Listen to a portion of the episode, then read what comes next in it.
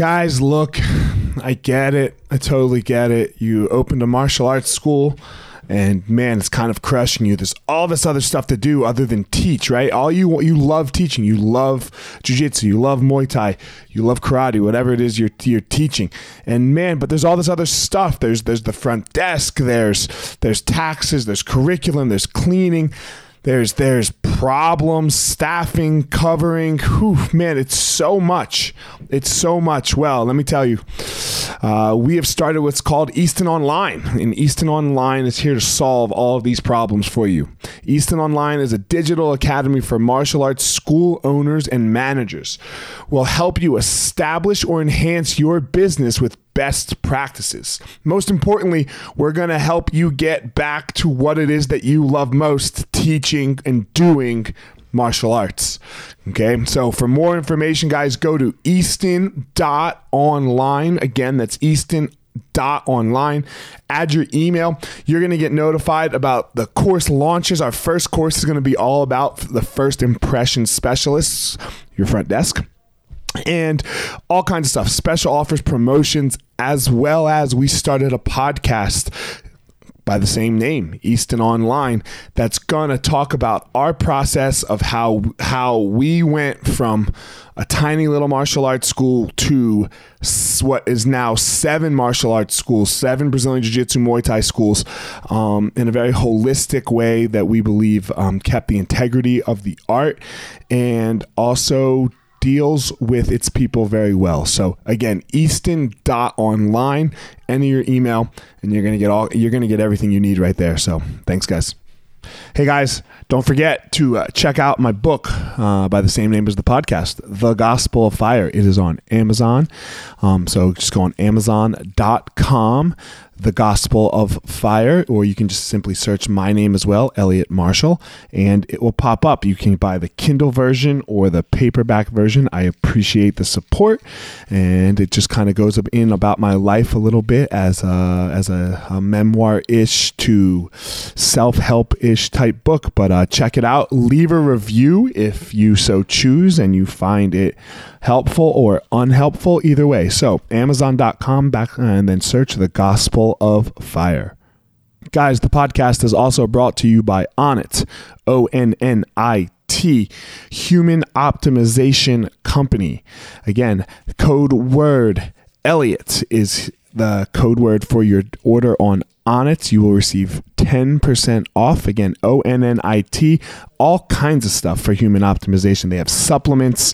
Um, man, they have the total human. They have all kinds of stuff. Alpha Brain. I love me some Alpha Brain every once in a while when I know I got to sit down, get some work done. The brain just kicks in a little bit. I've uh, I've enjoyed using the Shroom Tech Sport. It gives that little extra boost when I'm when I'm getting ready to go do a workout. So again, O N N I T code word Elliot, and you will receive ten percent off your order.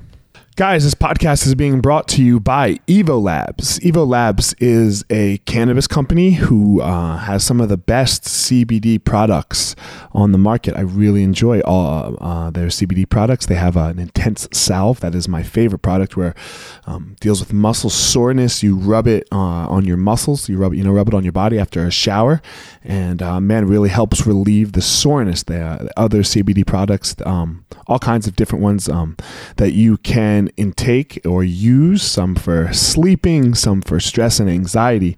Anyway, evolabs.com. Go check them out. And you type in the code word fire and you will receive 10% off your order. evolabs.com. Ever have sore, beat up fingers after jujitsu? We all have, right? Ever wish there was a better way to ice them down than sticking your fingers in a cup of ice water? Well, now there is Penguin Fingers. Invented by a Jiu Jitsu black belt, Penguin Fingers remove the soreness from your fingers or your toes in just minutes, allowing you to train harder and longer with less damage to your digits. Chronic inflammation is like sand in your joints. Training day, day in and day out with sore, irritated fingers can leave them arthritic and knobby. Penguin Fingers can stop all of that before it ever starts. Penguin Fingers non toxic, reusable individual finger ice packs come in boxes of one, two, or four soft gel sleeves. Simply keep them in your freezer and roll them out onto sore fingers or toes as they are needed. Available on Amazon or at penguinfingers.com. Fingers are life tools. Protect them. Use code 10 the fire and you will receive 10% off at checkout. Again, 10 the fire for 10% off at checkout at penguinfingers.com.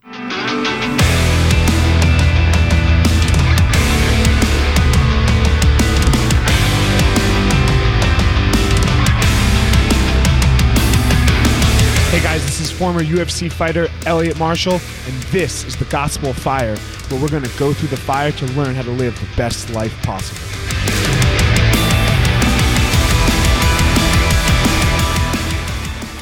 All right, guys. This episode of the podcast, I have Tony Blauer. Tony Blauer is a long-time martial artist, uh, Canadian, born uh, in the 60s, as I found out. He's almost 60 years old. So he's been doing this gig for a long time. He's created a whole bunch of systems. He's a tactical tactical defense trainer now.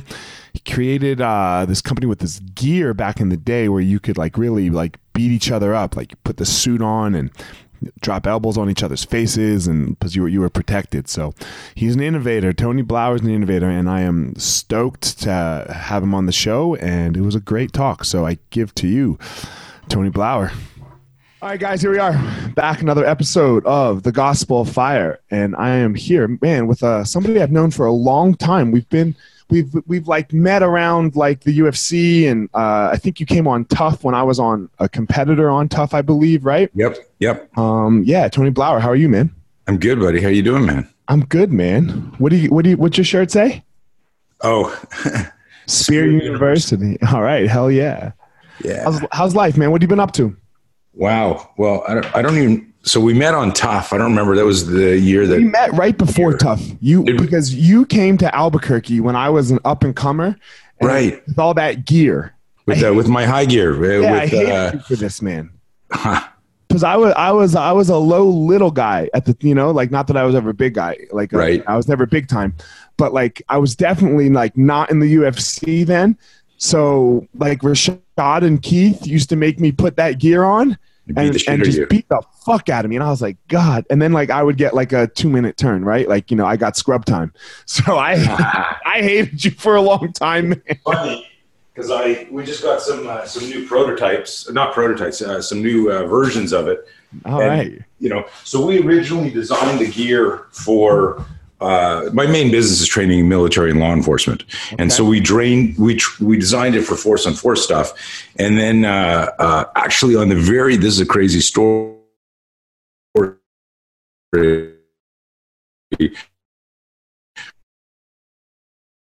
On the very very Okay. first fight, Ray helped train his guys, and that's slowly how it. Uh, um, uh, you, you remember Evan. Tanner, of course. So Evan, Evan actually was a big fan of our training protocols. I didn't even know him. I didn't know he was in MMA, and he bought gear on his own. Was training with Randy, showed it to him. Randy started uh, um, uh, doing stuff with it. And then years later, I never even knew about it. I never even watched the first season. I never even knew about it. Years later, you know, I, I have a meeting with Randy and I'm building up. I go, listen, I've got this gear that allows you to drop elbows, that that can allow you to, you know, ground and pound. Because there's things that you can't practice in street defense, self defense, or MMA because it just fuck people's faces up and and and heads up. You've got to Yeah. pull certain things at certain phases of training. It's even hard to do the elbow, even like mimic the elbow. Because if the guy moves a little bit and you're like flashing the elbow, and then man, now he's Yeah. cut on his head. Well, this is the whole thing. So, so I'm I'm building this stuff up for for Randy, and I'm going, man, I got to show you stuff. I got to because because you can literally now take a a let's say you had a fight coming up, but you wanted to practice stuff. You could put you could put the helmet on as a fighter and watch shit come in there and not worry about your nose getting broken or your eye getting cut. Yeah, it was good defensively as well. Yeah. So you so you get to see it's almost like being able to be inside of the tornado and not really worry about the tornado. And and uh, so I'm telling him all about this and I've got it in my bag and he's going, Well, show me the gear already. So I zip it open, I remember you with these big black duffel bags, like you Yeah, were yeah. carrying a body, man. Like Yeah, when you came to Albuquerque, you had like ten bags that you just rolled in. I think we all- we gave we, we gave we gave Greg like six suits, and then uh, a year or two later they were they were stolen uh, when they had a robbery. the five hundred five, baby, the five hundred five. That might have been you. You were like, "Fuck this high gear." Fuck I'm this high- it," right? I'm like, man, we got to get rid of this shit. You know, it, and, it, and, it, and it's so funny that we're talking about this because when I open the bag up, Randy goes, I pull out the helmet and he goes, That's your gear? He says, I already use it. I was like, What? He says, What? Yeah, like, you know, he said, Evan gave it to me. It's crazy. that's that. That's a crazy story. So, h- how did you? What like? Where did you get into all of this, man? So I grew up in Canada and uh, uh, in Montreal. I actually, this is this is even for me Are you Canadian? Are you, are you born? I, I'm a U.S. citizen now. I'm a U.S. citizen now.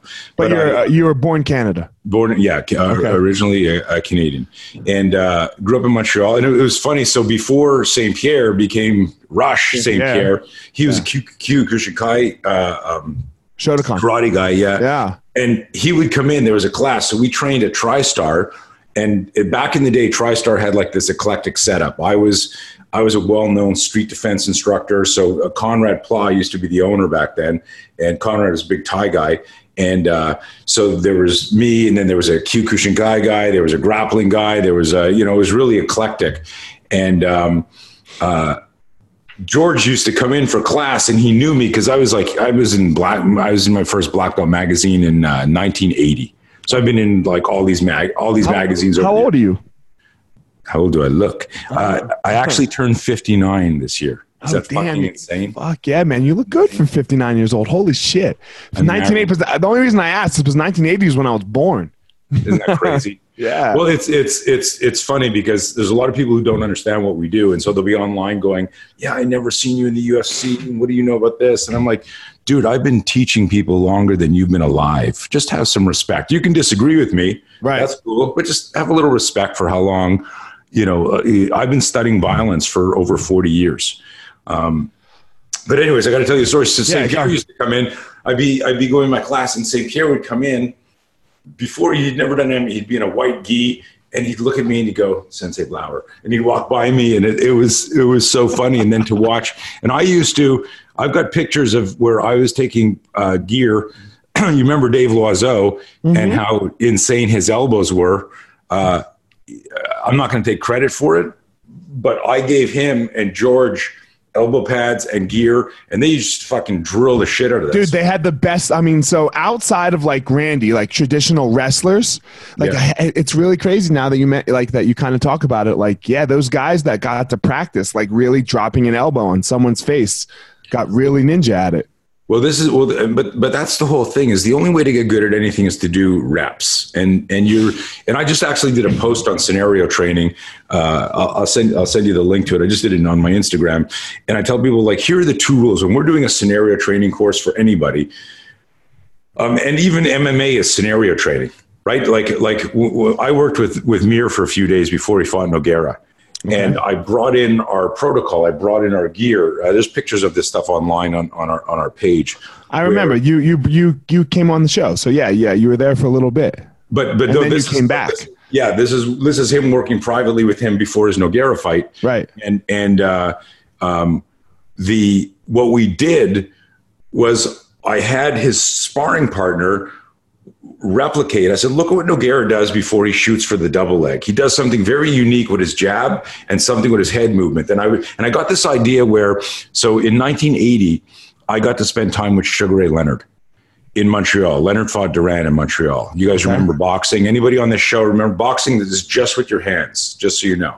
As a joke, that's an MMA joke. It's just people are like boxing. What's that? It's like Google boxing. It's so so. Uh, so I remember, you know, hanging out with Leonard, and when he would go spar. Are you a boxing fan? Oh, By the way, huge, huge, Me too. Did you watch Lomachenko last weekend? I did not. I was. I actually had food poisoning last weekend, and I, I've never been hit like this before. It was, it was insane. Oh God, Uh, I'm I sorry. missed Uh, it. all right. So anyway, go ahead. Back. You were with with Leonard in Montreal. So, so I'm with Leonard Montreal, 1980, and and uh, I'm I'm a student of everything. I study shit. I'm always trying to get better, trying to learn stuff, and and uh, um, And when Leonard's sparring partners came out, they all wore a white shirt with with uh, red cuffs, and it all said in red letters on the back, Duran. That, and then and they would spar, and they, they'd have a shirt on and said Duran, and they were paid. And I noticed this right away. None of them moved how they moved as a natural athlete. They were all told, and I use the term replicate, not simulate, because I like I like how the specificity of that. They were told to replicate how you know you know Duran would move. So Leonard would, and this is this is like decades before neuroscience and mirror neurons and neurotransmitters and myelinization. How you practice things, and this is what we bring to our training is understanding like the neuroscience of practice and the neuroscience of fear and the neuroscience of what it does to your body. And and so you can see like if you look at somebody warming up in the changing room and you go this guy looks like a badass and then he walks out to the octagon or the ring and suddenly he's like moving really different. And that's the neuroscience of fear. That's your your reptilian brain hijacking your executive function. What you thought you were going to do and how you were going to feel and behave wasn't addressed and you didn't simulate that you didn't create that adaptation in training and those are what the great coaches are able to do versus the less so how do you how do you rep- i mean i know we're i'm gonna ask a divergent yeah, yeah. question maybe like dude how do you replicate the fear because holy shit man like i'm not i'm just not that scared in practice yeah, if if you're well, some people you you're saying you're not you're not afraid in practice, right? That's, yeah. That's, yeah. I'm not gonna. I'm not. I'm not possibly walking like when when I go when I used to go out to fight. Yeah. Right. Like I had to get good with death. Right. Like this. This could be it, right? Like you have right. to get in the mindset of okay, if this is my last 15 minutes, then this is my last 15 minutes. Fuck it, let's go. So you don't do that at practice. Right. So the there's practice, there's training. I break thing I break things down in, in, in micro moments. The fear doesn't have to be the fear of the violence. So okay. if you know, like if you think back the first time you walked and you and you may be an anomaly and an outlier. So I'm let's not, not okay. so what I mean by that is there are some people that are very comfortable with violence. Yes, and then there's very not me. and there are people who aren't. So if you can think back to the first time you uh, went into a gym to spar, or the first time you went into a gym to look at it. Yeah, I was petrified. Well, there you go. So what happens is this is called stress inoculation. The danger is like over time, so it goes like this, you know, it peaks, it peaks, you're like, holy shit, holy shit, holy shit. Then you get a little and and here's the thing is like when you would spar people that you knew you could take you were like a genius, right? You're fucking, you know, like doing wushu, you know, doing fucking fucking like doing yeah, whatever you want. Yeah, I look and like then, the Matrix. Right. And then if you sparred somebody who you knew you had to really watch for because it could go 50 50, then you were like really in the zone. And if you sparred somebody who you knew could just like drop you or, or tap you out like this, you started to get those butterflies again. Yeah. Right? Yes, yes. So a, a Duane lot. Ludwig, bro. Holy right. shit. Oh god, of all the people I ever sparred, that was the worst. So yeah, and I and I met him down in Albuquerque too. There. Yeah. So the the Fuck. so there so there are certain people where and you don't even so a lot of this a lot of this man ties to self-awareness so my big thing when i work with athletes and coaches is trying to cultivate self-awareness and i'll talk about like like fear fear doesn't have to be I'm afraid of getting hit or I'm afraid of losing. Um, there are people who sabotage their success because they're afraid of winning, right? And so there's a, like some people suffer from an imposter syndrome that psychobabble calls it, right? Am I really this good? Do I deserve this? And all that stuff. And these are all valid things if they get in the way of how you perform in life. Um, you know, I was on. Uh, uh, I don't know if you know personally, Kieran Fitzgibbons from CSA, yeah. Combat Sports Academy. So Kieran, Kieran uh, trained with me like years ago when he was just doing Krav Maga and he was a martial artist, but he was in the uh, protective services side of stuff, uh, uh, doing doing some stuff for some big corporations and stuff, bodyguard work. And he trained with me then, and we've been friends for like twenty plus years. And and so he actually brought me on. He was on Ultimate Fighter last two years ago. Yeah, uh, coached with Henry Cejudo against. Right. Yeah, yeah. So he brings me on to talk about fear. And but that season, everybody was like a world champion, right? Like everybody was like, so everyone had cauliflower ears and scars on their faces. Nobody was afraid of fighting. If you get to that level, so I get up there and I've got like like three minutes to make some shit happen, right? And and most of my stuff got cut, but but it was it was. uh I said, okay, let's talk about fear and let's talk about mindset. How many of you experienced some fear before your fight? And every, like, there were 12 guys, I think. All of them are sitting there like you with your arms crossed, sitting, leaning against the cage. they're all, they're all like this, dude. They all go like this. Man, I have to, I have to say, for me, the best, like, uh, as a competitor on the Ultimate Fighter, what was the most interesting thing is I got to see everyone else be afraid because, right. like, you're in the house with them Right. Like, so, like, I mean, it's, it's interesting that those guys are all like, no, I'm not afraid. We're like, I don't know. I, I had a different experience. Like, it actually calmed me down a little bit because right. I was like, oh shit, I am watching my opponent that I'm going to go fight here in a couple hours be afraid as well. Like, I don't know, it made right. me feel better. But anyway, they're standing there with their arms crossed, like, no fucking way.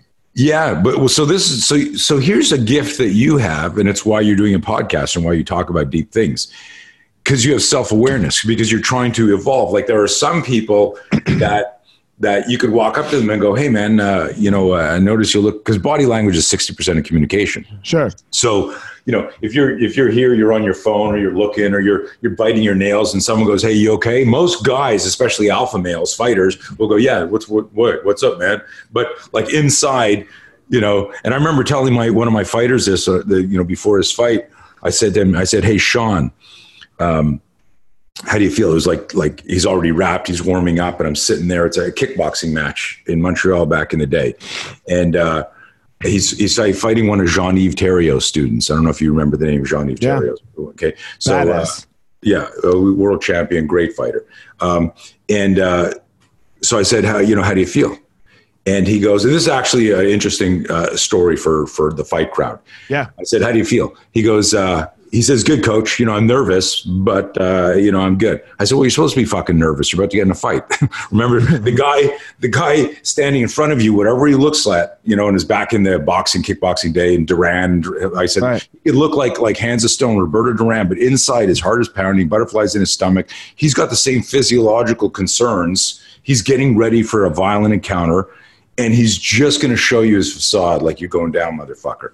And right. he looks at me, goes, "Thanks, coach." And he goes back and he's moving around, and he's dancing around, and I'm sit down, Elliot, and I sit down, and something starts nagging at me, and I was like, and I realized I'd given him like a a, a line out of a B boxing movie like a script from a, you know, you got him, kid, cut me, Rocky. You know, like it was like, and um, and I um, I stand up, I go, hey, Sean, I go, I got to apologize for my answer. He goes, why? Like that really calmed me down.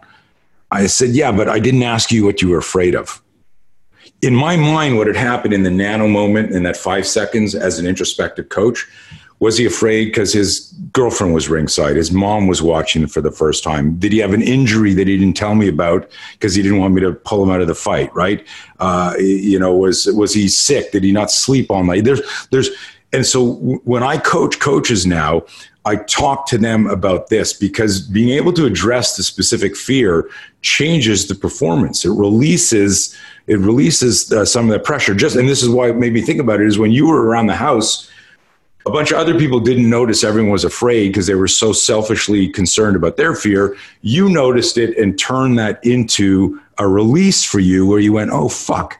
I'm human, they're human. Okay, let's go. It just lowered your anxiety about the yeah. fight a little. Does that make sense? Yes. So so so with Sean, I looked at him. I said, Sean, I got to apologize for the answer. He says, No, it's great. I go, but I didn't ask you what you're afraid of. What exactly are you afraid of? He said, It's stupid. It doesn't matter, right? And I go, Well, no, it's not stupid. What is it? If it's making you think about it and giving you some stress, it's not stupid. He goes, so amateur kickboxing is three rounds. When you fight for the title, it's four rounds in Canada. I don't know what it is here, if it's the same. Um, so he goes, I've done 10 rounds. I'm in shape, but I've never done, this is my first four round fight. It's my first title fight.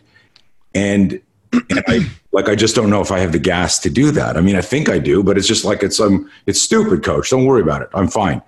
I looked at him and I said, Let me ask you a question. He goes, uh, What? I said, Can you do two rounds? He goes, Yeah, of course. I said, So just do two rounds twice. And he looks at me and he smiles, just like you did. He went, I can fucking do that. Literally, and you know, in a kickboxing match, 16 foot ring, one foot inside, you're 14 feet away from the other corner. Uh, in the, at, after the second round, I'm squirting water in his mouth, and I go, dude, can you do two rounds? He goes, he goes, yes, coach. Right? It was breaking. It was it was having the insight to break the challenge up into attainable goals. So if I say, hey, go run for a mile. And you go, fuck, a mile. I go, go do four 400s, right? Anyone not good at math, four 400s is a mile. If you break the challenge up, and I've had guys go, I don't know if I got enough gas to do this, this last round. I said, can you give me a minute? I go, yeah. So do a minute three times. That's man, it's so it's so crazy. I I uh, you do that. I do this right, but everyone's always wondering about like the, it's a common fear, getting tired. Right. Right. And for me, I mean, I look at it a little different. You tell me what you think. Um, I look at it as look, you can always do right now. You're never concerned about this very moment because you're fucking doing it. Right. Uh, the anxiety comes from you're like, man, I can't do this. Uh, I can't do this in five minutes. Well, man, you don't even know if you're going to be here in five minutes. Like right. the whole world could come to an end. Right. You know, and, and I kind of take this approach where all you have to do is now. Don't worry about a minute. If you just do now to the best of your ability, you just keep doing now. You, there, there is no such thing as the future. We, we just, it's, it's an unknown, and, and you can't ever worry about it. I'm a, I'm a stoic. Right. Right. So all we have is the present moment. Right. So just, just stay right there. Just, stay, just give me one minute is what I say. Can you do a minute? And they always say, yes, I can always do a minute. Well, right. then good. You just keep giving me one minute. Yeah. I dig it uh, philosophically, yeah. spiritually. I, I, I dig that. Strategically and tactically, if we're like planning out, right, we might have to reset. But in terms of that emotional moment where where the person is thinking about quitting, right, when you're in the in the round, in between the second and the third round, and they're yeah. they're like, oh my god, I you're like, look, you don't have to give me five minutes. I just need a minute. Right. You yeah, know, break it down. In, one, yeah, yeah, break it down in, in, in, into you know in, into consumable bites of, of, of movement and thought, and, right. and you, you're much better. Yeah, I tell people, listen, you know, we've got a multiple assailant course, and I go, would you rather fight one person or three people? And they're like, well, one person. I go, well, actually, fighting three people is easier than fighting one person in terms of the complexity and the chaos. But you don't know that until you understand that. But you're never going to fight three people. You're going to fight one person three times. You got to break. You got to break it down into. You're not going to go ki and like and hit every. You know, this isn't a shitty kung fu movie, right? But the idea here is is if you've overcome your fear of, of a mono a mono thing and now there's two guys you're now what's happening is your unconscious mind is going oh fuck there's two of them you're thinking about like you said in an unstoic way you're thinking about the future you're going to take care of of, of shit right now yeah man how, how man do what so what we were on the Roberto Duran story. Like, did, did it start for you before this? Because you were an adult in 1980, right? Like, yeah, 20 years old then. yeah. Uh, what? Uh, where where did all this? Um, what did you call it earlier? The the the business of violence, or you've been studying yeah. violence. Violence, yeah. You know, I I grew up in the 60s, and uh, um, I grew up in middle class suburbia, and it was and it was not a violent. Was that, was that in, was that in Canada, in Canada. or was that here in the U.S.? Yeah, no, it was in, in Canada. Okay. I only moved when, to the. When did you come to the U.S.? 2007. I moved to okay. Virginia Beach. Okay. I was there for two and a half years. Um, had some nasty shit, uh, home invasion, uh, uh, uh lost a $12 million company, stolen from me. And just really in 2010, it was like the end of the world uh, and then and moved to. Uh, I remember my wife sitting on the floor crying. We had our green cards. What are we going to do? We're moving back to Canada, and I was speaking at a counterterrorism conference in San Diego, and I said, "Buy tickets. We're going to go out to San Diego and look for a place to live." She's like, "What?" What the fuck? And I said, if we're going to be homeless, let's be homeless in San Diego. I heard the weather's the weather's amazing most of the time here, right? So we moved out here in 2010 and rebuilt everything. Um, but but I grew up in the '60s, man, in in a nice area. Doesn't you know? I grew up watching uh, the original uh, uh, uh Green Hornet with Bruce Lee, watching the original uh, uh, Wild Wild West with Robert Conrad, and uh, Mannix, and all these shows where everyone was doing like like shit fighting, like really choreographed. And I was fascinated with the fighting, but I was also, I felt like I had the most fear in the world. I felt as a kid, I was afraid of everything. I was afraid of my shadow. I was afraid my shadow was afraid of another shadow. I was, and, and I was a good athlete. Whatever I did, I wrestled, I was gymnastics, I skied, but but I'd ski and I got very good at uh, as a competitive skier. And by the time I was 13, there were people thinking, hey, if I can continue on this trajectory, this kid's going to represent Canada in the Olympics. I mean, I was competing in freestyle and giant slalom and, and, sl- and but everything I did, I sabotaged my success at because I was always afraid to win. I would, and I would always visualize like I'd start off something and I'd be like, okay, I hope I don't wipe out here, as opposed to wow, like I see that line, I'm gonna fucking crush this. You know, yeah, I was the same way. Yeah, and it and it and it really it it it bothered me so much, and I was. And then you wipe out though, right? Not all the time. In in competition, I always did. I always and I tell this story. It's it's funny because I do a seminar. I do a corporate seminar now called No Fear. You remember the T-shirts No Fear uh-huh. T-shirt the company. Yeah. So I do a seminar called I should have I should have worn. I'll send you one of them. It's kind of badass. It's spelled K N O W Fear no fear. Oh, it's this shit, Tony. That's fucking badass. Like because that. that's what you got to do. Right. You need to cultivate a different relationship and realize that fear can be a superpower. Fear can be a fuel to supercharge what you got to do. So I suffer from anxiety disorder. Okay. You know, like I have terrible anxiety, and I used to always want it to go away, and now I love it. Like I don't love it, and when it when it's like really bad right. in that moment, accept it, embrace it. Right? it. I just say, all right, how long you gonna like? I call it my devil. How long you gonna fucking hang, devil? Like, yeah. how long are you gonna be with me? Yeah, because it's it's cool. I ain't scared. You know, like I might yeah. be scared, but I'm gonna know you really, really well, in and out. Yeah. Yeah. It's really cool. No fear. Fuck yeah. Yeah. K or W. Yeah. Yeah. And it, and it's and it's it, yeah. It's send me a shirt. I'm gonna send you my book. You send me a shirt. I wrote a book about like anxiety disorder. So yeah, cool. we'll, we'll switch. Very cool. yeah. And you know what's crazy is I had a neck injury uh, two years ago. I didn't. I got a neck injury in '86. I I blocked a shin kick with my head. Um, How'd that go? the guy's shin was okay. Yeah. Um, the uh, um, I looked at him right after. I said, "Is your shin okay?" Um, but it, it, gave me this wicked stinger and developed like I had neck pain for 36 years, and then a couple years ago. Uh, I was getting I was getting some work done, and the nerve got damaged and impacted my trigeminal and facial nerve, and uh, um, and it but it it put pressure on my vagus nerve. So I would spontan. I've never had anxiety in my life. I would be standing there talking, all of a sudden it'd be like a train was running through me. It would like the, because the you know the vagus nerve is is is all tied to that, and because of the shift in my neck and the pressure from the injury. Like I'd, I'd turn my head and something would move just slightly, and all of a sudden it, I would go from like zero to a hundred where I could be driving and I have to pull over and jump out of my car and go, holy fuck, you know, and it was insane. I mean, anxiety is no joke. What'd you do for that? Um, I learned how to fucking meditate and breathe. Yeah. And, yeah, uh, yeah. and it was scary for a while. I started studying neuroplasticity in the mind and just trying to understand more. And it's, it's weird because as a martial artist for, you know, I'm 59, so I've been in, in some sort of combatives martial arts since I'm seven is when I started wrestling. Uh, so my aerobic capacity was always really, really good, right? But I still didn't know how to breathe, like in terms of like deliberate, intentional breathing, like you learn. So I've got, fortunately, I, I, I've, I've got I know some cool people, and I uh, Brian MacKenzie, who does the art of breath, uh, uh, is a good friend of mine. So I, I he, you know, he he counseled me a little bit and had me do some stuff. But literally within three or four days of understanding how to breathe properly, uh, I I didn't my anxiety didn't go away, but I got it completely under control. Um, which which was a, a, an amazing an amazing thing. But having said all it's that, it's amazing when go ahead. Yeah. No, it's no, amazing when you get that under control, right? Like, yeah, like it doesn't go away. That's what, that's all I do is I breathe.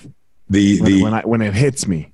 Yeah. You know, and there, hits me. And I'll, I'll do a few different breathing protocols. And a lot of it is, it's like getting good at martial arts, man. It's good, yeah, getting man. good at jujitsu or MMA or anything is, um, is you got to do something every day. So like every morning, like I'll do some breathing and meditation before I get out of bed uh, and and I do it almost almost every night. And what it does, it, it becomes a so if I feel something coming on, and this is also like uh, parallels the way I teach self defense is like, you know, if you practice, you remember the 10,000 hours metaphor? Yeah. You know, the, so, you know, uh, uh, uh, Malcolm Gladwell made that really famous. Um, but the guy who did the original research was a guy named Ericsson. And, and of course, Macklemore made it really famous when he put it in Nobody gets that joke, Macklemore joke. Okay, um, uh, he, he he used it in. He's got a song called Ten Thousand Hours. Okay, um, but anyhow, um, the notion for everyone listening, if you don't know it, it just it's just this this idea. So what some people did is they studied whether it was the Beatles or musicians or experts, athletes, that people who invested ten thousand consistent hours or or ten years or reps and stuff mastered that shit, and like that's a logical conclusion. If you do anything for 10 hours diligently, you're going to get fucking good at it. So, you know, one of my maxims for our training is be careful what you practice. You might get really good at the wrong thing. In other words, you really think about, is this a skill set that I want? And, um, and so in terms of self-defense, a lot of people practice like how to get out of moves, like how to counter shit. Well, if you do 10,000 reps of how to get out of a headlock, you by default need to do 10,001 reps of letting somebody put a headlock on you. So you're always doing one extra, the brain always sees one extra rep. So we need to be careful. And I tell people this is very subtle in how you design scenario training and how you design sparring practice. If you're doing the replication stuff, like the idea that I got from Duran. Yeah. Um, and so, uh, I know we're telling three stories at once. No, here it's all good. It, this I, is how I, podcasts go, right? You just yeah, like yeah. ah, you go off on. But never like for for people interested in more of the combative side. When I when I want to bring back, I want to like like switch channels, go back to the Duran. Yeah. Years later, um, one of my students, 1980, the same year that I met uh, Leonard, one of my students got his ass kicked in a fight, and and I I had been teaching him. Uh, this is 1980, right? 13 years before the first UFC. Um, I was teaching him intuitively. Just I was heavily inspired by Bruce Lee. I was teaching him uh, some wrestling, some taekwondo, which was my original martial art, and some boxing, which I'd fallen in love with and and, and started started training. So I was teaching him a hybrid MMA, right? Didn't there was no MMA in terms of our our culture. There was no such thing. Sure. Right. Go ahead. And so so we're doing this thing and and uh, he's in school. He gets into a confrontation with the guy. He my student grabs the guy who had been emotionally abusing him for months and goes like it was and the guy shoved him uh, that day. And my student mitch grabs him and goes don't fucking you know touch me again motherfucker. And, then, and they're doing the, the the the guy thing right? Fuck you fuck you. And all of a sudden the guy drops him with a left hook anyone watching this show, I know that was a right hook. Don't write in and say Tony said left hook and use his right hand. um, and so uh, um, the uh, so the kid's 15 years old. I'm at, at the time 20 years old, doing private lessons. And uh, I come to his house for private lesson, and he's fucking furious. And you can see like that, like in a cartoon, the, the smoke coming out of his fucking motherfucker. Nah, nah, nah, I go, what happened? What happened? Calm, calm down. And he goes, um, he says, uh, you know, I was running and the guy tripped me and I got up and, and uh, you know, we started swearing at each other and I grabbed him and I slammed him against the locker bank and I still fucking ever tripped me again. Leave me alone. He says, and then he dropped me to left hook. I said, and? Like, why did the Karate Kid hadn't come out yet? But I said, essentially, why didn't you do wax on, wax off? I was like, why didn't you parry? Why didn't you block? Why didn't you slip? And he goes like this. He goes, um, you get this. He's standing here like this. He goes, well, I was holding my school books in my hand and I was holding him like that. So there's a thing called the cross extensor reflex in your body, and this is so, super important uh, when you've got stuff in your hand. If you have a micro flinch, if somebody does something that makes you flinch, whatever you're holding, you lock onto. So he was on the guy's shirt, fuck you, and he's holding his school books, and the guy went wham, and he throws a punch. Your body will lock up on, on whatever you're holding. So that's why he got dropped. But I didn't know any of this neuroscience and physiology back then. But what I did realize, and it was, I tell people, it was like the God of self defense fucking hit me with a lightning bolt right there. And I was like, oh my God, I was teaching this kid self defense wrong. We teach self defense wrong because I was only teaching him what my instructors had taught me. And that is this compartmentalized block training. When he does this, you do that. But action's faster than reaction. If the bad guy moves first, you're fucked in terms of the physics.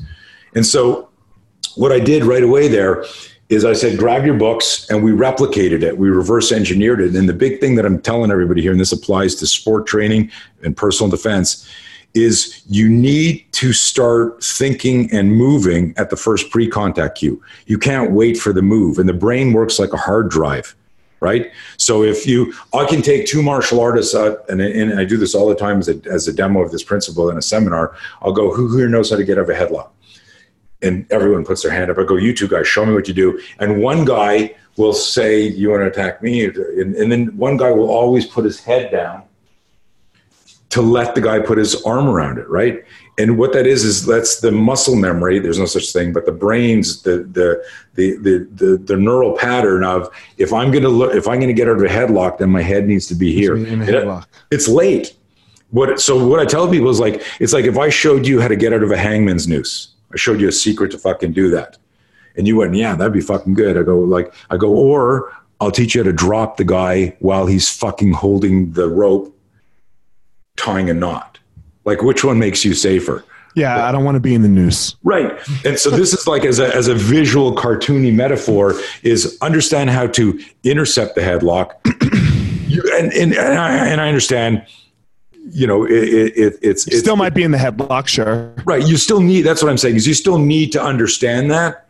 But once you understand that, and there's a, it's a place where you start technique and learning position, position, position. But but the real value is is intercepting. The most dangerous fighter is the counter puncher. So if you're in front of, of Duane and he's here like this, and you're going, oh fuck, I got to watch that leg kick, right? And and then you're trying to take him down, and he fucking shin kicks you before because he's reading he's reading your body language when you're. Well, like Anderson Silva was a counter puncher, right? And the most dangerous fighters in the world because you don't see the counterpuncher because it's he's he's inserting that shot in between something that you're doing. Mm-hmm. You know. So, yeah. Anyways, wild wild tangent there because we were talking about the '60s. No, it's you were having flashbacks, right? Well, it, it, you just asked me like how it all started. It, yeah. it was it was I grew up afraid of everything, but I noticed I was introspective enough to go, why am I afraid? Why am I afraid? But it was the 60s and 70s. You don't put your hand up and go, hey, coach, I'm fucking afraid of, I don't know what I'm afraid of. And I grew up in the 80s and you didn't do that. Right. Well, we don't. Most people still don't do it now. Right. No, and that's and that's why this no fear seminar that I'm doing is so I'm so passionate and obsessed with because because I really believe that if we if we taught kids and adults to change their relationship with fear, we change their life. Yeah, I have a, I have some rules for my kids. Um, uh, just basic rules like number one you have to do jiu-jitsu number, number two they have to learn how to swim number three they have to look people in the eye demand respect give respect back and number four if they're scared then that's the trigger they have to do it right so they're gonna like you know like that that fear thing is like no, I'm, I'm not trying to teach my kids that they're not going to be afraid. Of right. course, they're going to be afraid. Right. Right. That's so, great. but like, if you're afraid, then whatever you're afraid of, let's go. I'm yeah. going to go with you. Like we're going right. to do this together. I'm going to like not that I'm always going to be there, right? But you have to be there with them definitely Most, in the beginning. More more importantly, what you demystify you're taking the mask of fear off and you're realizing that fear is is this anticipation of failure or pain or danger. Right. And and you know, it's it's it's funny because eh, there's a maxim that I use, and I think I got it out of, of a, a, book years ago. But if we didn't fear fear, what would we do? So it's really our fear of fear. It's the fear of the sensation. Now, listen, you know, people ask me about about some stuff, and I tell them you cannot be brave if you're not afraid. So the act of courage, the ability to be so if you got a friend who's like a complete adrenaline donkey, junkie, and he says, "Hey, let's go skydiving," and you're like, "No, I'm afraid. Oh, you pussy, you fucking badass." Man. No, I don't want to jump over an airplane, man. I'm afraid of heights. And and there's some things you don't have to do, but the idea of that if you did it it's not that you're trying to understand skydiving it's you're you're developing the muscle of courage and that is doing trying to understand and doing things that you're afraid of and so go, go ahead. ahead. No you gotta no, finish no all right. So I, it's funny you bring up the skydiving thing because I had a friend Tyler Turner, um, fought in the UFC. We, we, you know, we we came up together, and man, when he after like I don't know three or four fights, I was like, I called him. I was like, Hey, what are you doing today? He's like, oh, I'm going skydiving. I was like, Why are you going skydiving? He's like, Man, I just want to see if anything can make me as afraid as fighting. Like, wow. He just and wanted to. Yeah, he just wanted. No, it didn't. It didn't. Wow. Nope. It's so funny because because I. Uh, uh, I wa- you, you must have seen the original Point Point Blank. Yeah, of Uh, course. point Point Blank. Point Break. Yeah, yeah. So so uh, I saw that with a, a friend of mine in Montreal when it came out, and it was the skydiving part was so amazing. I'm a, I don't like heights at all. Okay. And uh, and I turned to my buddy Richard and I went, dude, if skydiving looks like that, we got to go. And uh, he looks at me, he goes, he goes, I'm afraid of heights. I'm fucking more afraid of heights than you. And this this uh, this chair is too high actually right now, right? So we're laughing, and I go. Uh, I, he goes, uh, "Should we do it?" I go, "Let's fucking go tomorrow. Let's fucking just do it while we're excited." So he says, "I'm in." So we do this thing. We like leave the movie, you know, go online, find a place, call. Yeah, you come in t- tomorrow, like 8 a.m. So I set my alarm for six o'clock because we got to drive there. I call him in the morning. He goes, I can't do it, man. I didn't sleep all night. I was fucking scared. I said, dude, are you fucking kidding me? I went out there and it was a static line jump. And, and I, What's that mean? uh, that means uh, you jump out of the airplane and a, and a cord uh, deploys the uh, parachute for you. So you don't have to, you don't have to pull. Um, you know, you got to get trained to, to go, you know, uh, free, uh, free diving. Right. Uh, but uh, so I do that, and it was so fucking scary, and it happened so fast, and you're only at three thousand feet that I did it, and I was like, that wasn't real. So I had this bug in my head, and I was I was I was teaching out in Snohomish, Washington, and uh, and I went out there, and I I had custody of my son. I my girlfriend and I had broken up, and I had like he was like six or seven months old, and we're out there, and I'm just now obsessed with doing this, and I'm scared shitless, and I'm obsessed. And I went to a place that would do uh, tandem jumping, and I left my son, not knowing if I was going to live or die. I left him with pr- pretty much a virtual stranger. I Did mean, you keep custody after that shit? somebody I knew. Nobody knew about this. I only talked about this years later. It's like, by the way, custody uh, judge, is this okay to do? Um, and I, I uh, so I left him with uh, like a friend of the family. I said, hey, I'll be back in a couple hours. If I'm not back, here's some numbers to call. I go there. They give me this fucking stack of releases because now I'm going to do a tandem jump, twelve thousand five hundred feet. Um, they go read this and sign it. I go, I'm not reading it because if I read it, I won't go. So I'm just going to sign it. And I go up there. We fly up there. It's like a mortgage, right? Like you, Dude, give you all uh, these papers to read. You're like, yeah, fuck you, except in the mor- in the mortgage, it says you could die on every page. right. right. Uh, sorry, in, on the skydiving Yeah. thing. Unlike, Die. yeah. So, uh, um, so I'm up there and I'm doing a tandem jump, and I'm sitting there and going, I'm about to jump in an airplane. I don't even have a parachute. The guy who's I'm clipped to with D rings has a parachute on. What am I fucking doing? Your fucking kid. He's seven months old. He's with a stranger. Are you fucking? So I'm up there. They start circling over the drop zone. I look at the guy, I, the, the guy I'm jumping with. I go, "Hey man, how you doing?" He says, "Pretty good." I said, "You know, how's life?" He goes, "Good." I go, "Everything good at home? Like you know, suicidal thoughts or anything?" He smiles. He goes, "No." He says, "The the uh, the uh, narcolepsy, so good. The meds are okay for that, so I shouldn't fall asleep during the jump." I'm like, "Fuck!" A skydive. He's like making fun, right? They open the Do door. they at least I- tell you where the cord is in case something happens to that Right, look, motherfucker? I don't even have one on you. Yeah, but he does, right? So where's Yeah, his you cord? can't fucking reach. Oh, So- fuck. So, so, dude, so get this. They, they open the door, and the sound of the wind at twelve thousand feet is not like like something you get on your your your your phone on digital air wind sound. So you're there like this. He, he says just before we open the door, he says turn around. He clips me in, and I remember thinking because I'm always thinking a little tactically, right? I am a mm-hmm. safety consultant. I'm like this. He's clipped onto me, and what I do is I nonchalantly lean forward so I hear click the D rings, just in case he was tricking me when Right. he says jump. Right. So we we finally we jump we we jump out, and it was fucking insanely amazing. I was high for a week uh, from it, but. Uh, Anyways, it's my skydiving. no, it's all It was, good. it was, it was- listen, and I, and I won't go again. But here, and here's what I tell people. I remember I was I was doing a, a contract at Fort Bragg, and I got in a couple days early. And one of the guys said, "Hey, man, we're going jumping today. Do you want to go?" And I'd already done this, and I said, "No, I'm good, man." He says, "Aren't you like some fear management expert?" I go, "Yeah." He goes, "So you're why don't you come skydiving, man? You're fucking afraid." I said, "I'm managing my fear by not going." Not going. right and and he laughs i said so you don't have fear and this is an important thing for guys listening because people who aren't afraid can't coach you on managing fear. So if you've got a like a coach who understands mindset and fear, he can get in your head and help you perform. If you got somebody who has absolutely, there's just that outlier, they're not afraid of, of the violence in any way or the outcome, th- that person can't give you some some sports psychology advice, you, you know, because they just don't understand what you're what you're going through. But I looked at this guy who was at over 500 jumps, and I said, "You don't have any fear when you go dive?" He says, "I fucking love it. I go every time I can." I said, Well, let me ask you a question. Would you let me pack your chute for you? And before you answer, I know nothing about packing parachutes. He goes, Fuck you. I'm not letting you touch my chute. And I said, There's your fear. In other words, I can change part of your ritual, I can change part of your setup, and that changes your The rhythm and that can produce Yeah. some anxiety. Yeah, for sure. Man, I want to go back. I want to talk about like you said, you lost everything. Yeah. right? And what was that like? How'd you lose everything? And how'd you get, like?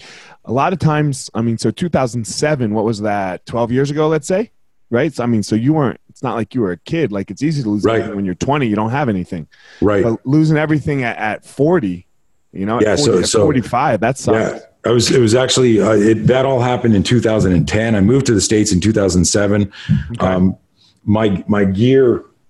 We did a, a 17 million dollar deal with the U.S. Army. I designed this gear. It took me uh, five years to produce it, um, and uh, two years to work this contract. And they were using it for their force on force.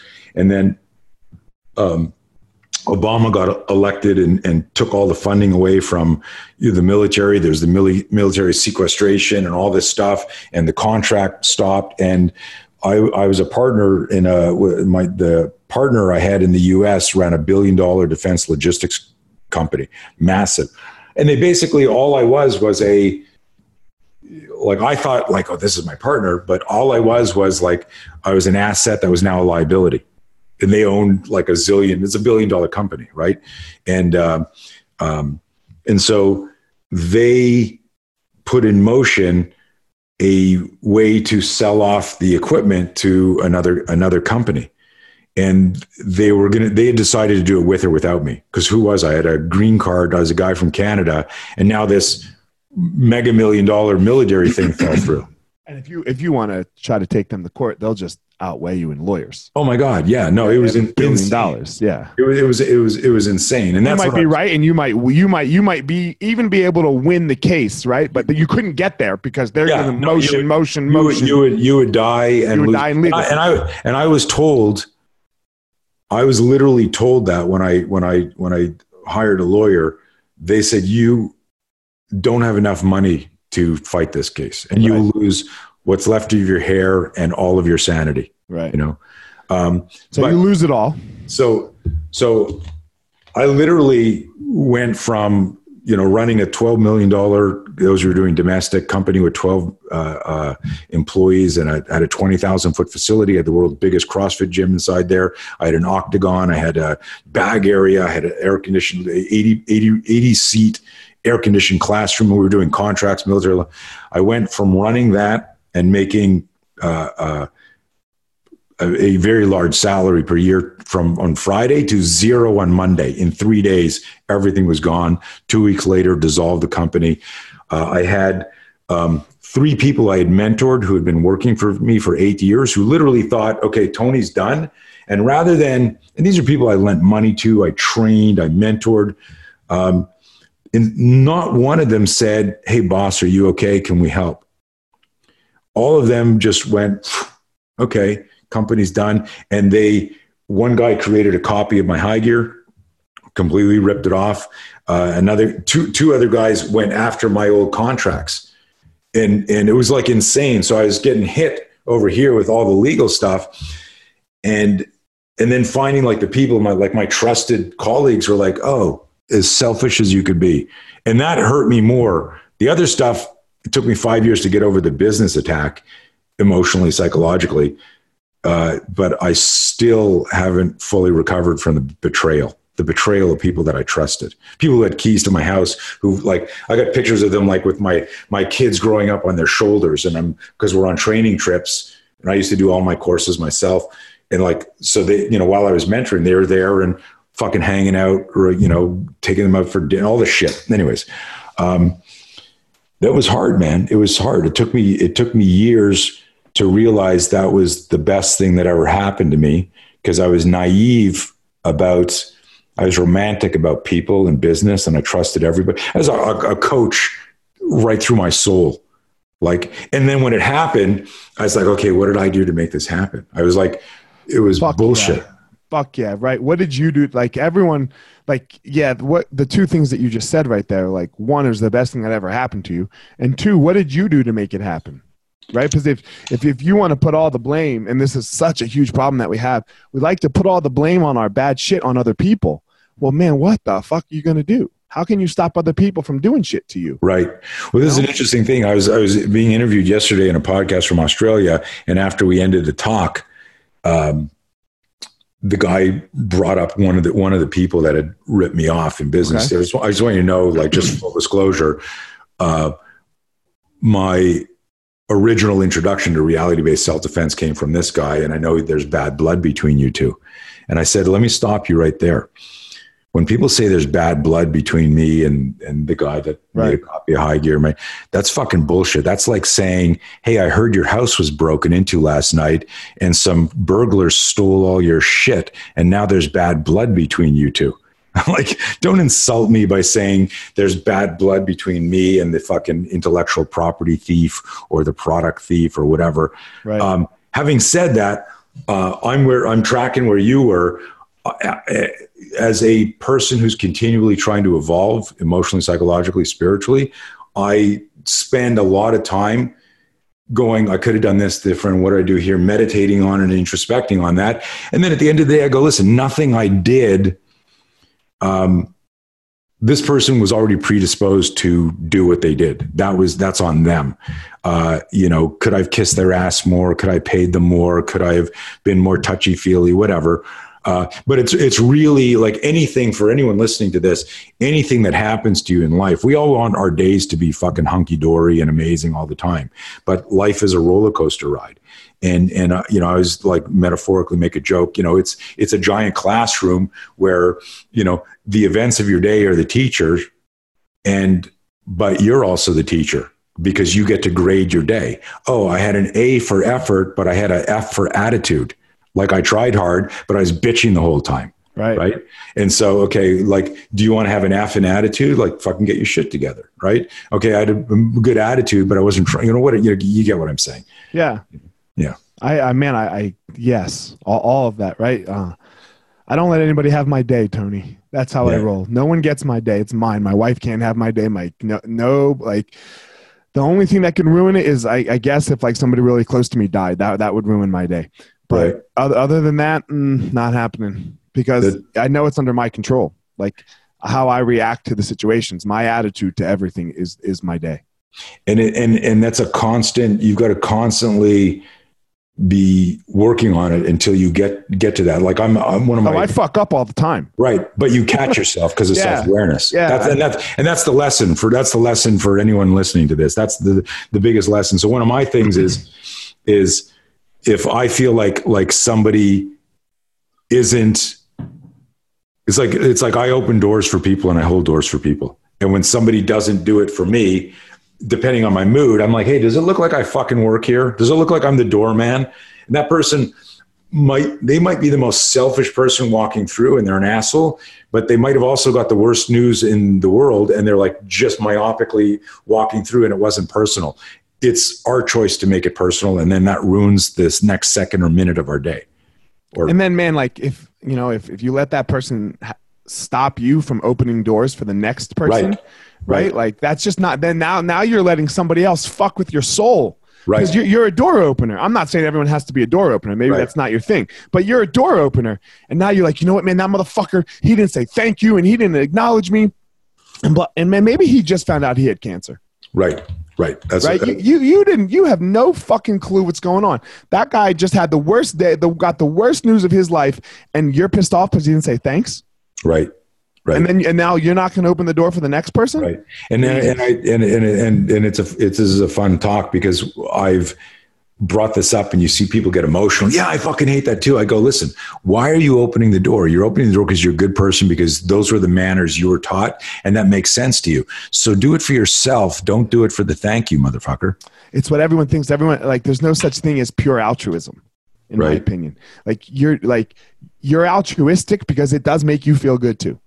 Right. It's not it's not just like oh you you're you're fucking Right. Bu- I just Buddha or. Jesus or yeah. whoever, you know, Right. and like you're just like, oh, I'm only here for other people. Reminds me of uh, you. you ever watch you ever watch Larry David? Uh no. Oh my god! Uh, but there's a there's a an episode on there where they're they're doing uh, like a, a fundraiser and donations, and he finds out that somebody donated a whole bunch of money, but they wanted to be remain anonymous, and he does this whole skit on like. No, you don't. I need to know who this was. Like, you can't. It's like because it's ne- it's never pure altruism. It's, never like, true altruism. Yeah. yeah, So, all right, man. I got to go work on myself. I got therapy. So did good. yeah, every week, every week, Wednesday, Wednesday noon my time. If you're ever wondering where I am, Tony, if I'm in Colorado, I'm sitting on a couch talking nice. to my therapist. Well, So- good, good for you for being open about it and focused on improving yourself. And you sound like you're a great dad. And I'm I'm so glad we reconnected, man. Yeah, man, for sure. Let's stay in touch, man. I really appreciate the Will. talk and like uh, I, I'm I'm digging what you're into, especially the know your fear. That's some that's some cool shit, man. Yeah, I'll, I'll send you more stuff on that. Sounds good, man. I, I appreciate it, and I'll send you. uh It's gonna come out next Monday, and Okay. I'll I'll send you the link and everything for social media and stuff. Perfect. Okay. You're the, you're the man, bro. I appreciate your Same. time. Thanks, man. Bye. Take care. All right, guys, thanks for listening to this episode of The Gospel Fire. Don't forget to check me out on all of my social media at Fire Marshal 205. Again, at Fire Marshal 205. Go to my YouTube channel. Um, Fire Marshal 01, that is for YouTube, where you can follow. I'm, I'm making these videos 100K strong. That's the goal for the year. I want 100,000 strong listeners to the Gospel of Fire. So I'm making, trying to make a video a week so that you guys can follow along on my journey of, of how I go about my day, some things that I talk about, some things that I try to work on for myself. And then finally, don't forget my website, elliottmarshall.com, where you can get up to date with everything that has to do with me personally, the Gospel of Fire. You're going to find all about my book release, um, also called The Gospel of Fire, February 12th. Will be for sale on Amazon that whole week for 99 cents. So, all that information at elliottmarshall.com. Thanks again for listening. Thanks to my sponsors, Evo Labs and Onnit. So, uh, that's it, guys. Hope you enjoyed the episode.